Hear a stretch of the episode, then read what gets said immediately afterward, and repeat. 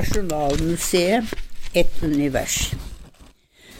Vårt nye store kulturbygg i Oslo har allerede befestet seg som et valfartssted som alle må besøke. Fenomenet er ikke et museum, ikke en katedral, ikke galleri. Det er nettopp et univers som alle flokker seg mot. I tillegg er bygget både i form og innhold vært tema i norsk kulturdebatt, noe som også styrker tiltrekningskraften. Malerkunstens kanon, arkitekturen, finansiering og økonomi, dynamikken i hva som skal henges opp eller vises hvor lenge og hvor, og hvorfor og hvorfor ikke kompetanse, ledelse, politisk innblanding osv., osv. Nå må ingen tro at dette nye nasjonalmuseet er stedet man finner vår nasjonale billedkunst. Å jo da, selvsagt, men glem det. Bygget rommer kunst i alle uttrykksformer, arkitektur og design. Så her stiger, eller triller man inn i et univers, rett og slett. Et enormt univers. Når man går i en bokhandel, må man kjenne kodene, litteraturkodene, ellers er man fortapt. Nå har vi levd i århundrer med bok og bøker, de fleste av oss, og vi går ganske så rett på sak. Det samme med TV. Vi kan kodene, og vi vet å finne kanaler for hva og hvor og når. Skal man besøke Nasjonalmuseet, vet man som førstegangsgjest verken ut eller inn, opp eller ned. Det er riktignok en skog av betjening som man kan spørre innledningsvis, og informasjonsskranken er betjent med kompetanse og vennlighet. Og så får man jo utgitt et kart eller en katalog eller bok hvor alt står å lese. Bare det at den skulle vi ha lest på forhånd.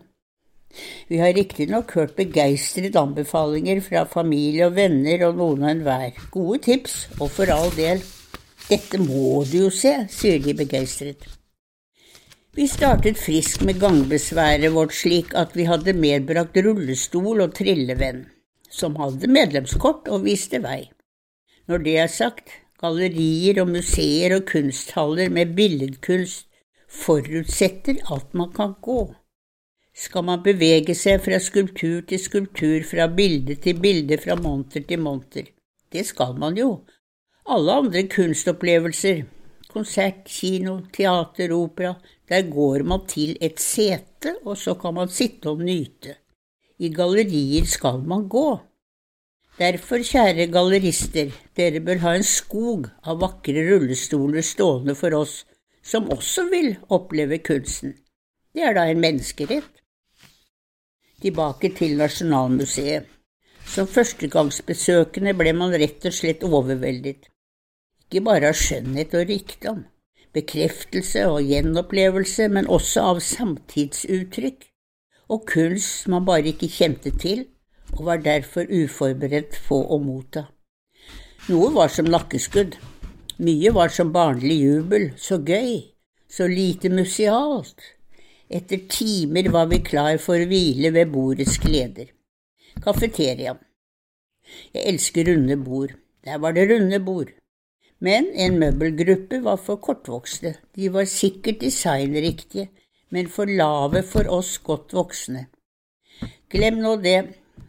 Fra lang trening som kinodame så kan man lese publikumssuksess. Det strømmet på med folk i alle aldre, alle slags, og museet er barnevennlig, bare det. De er velkomne, de. Det ble en stor dag, timevis med inntrykk. Konklusjonen er klar. Dette tar et liv å leve med, større blir det ikke. Og så må nevnes, det er så stille, i alle rom, i hver en krok, det er et dempet mylder, å, for en triumf.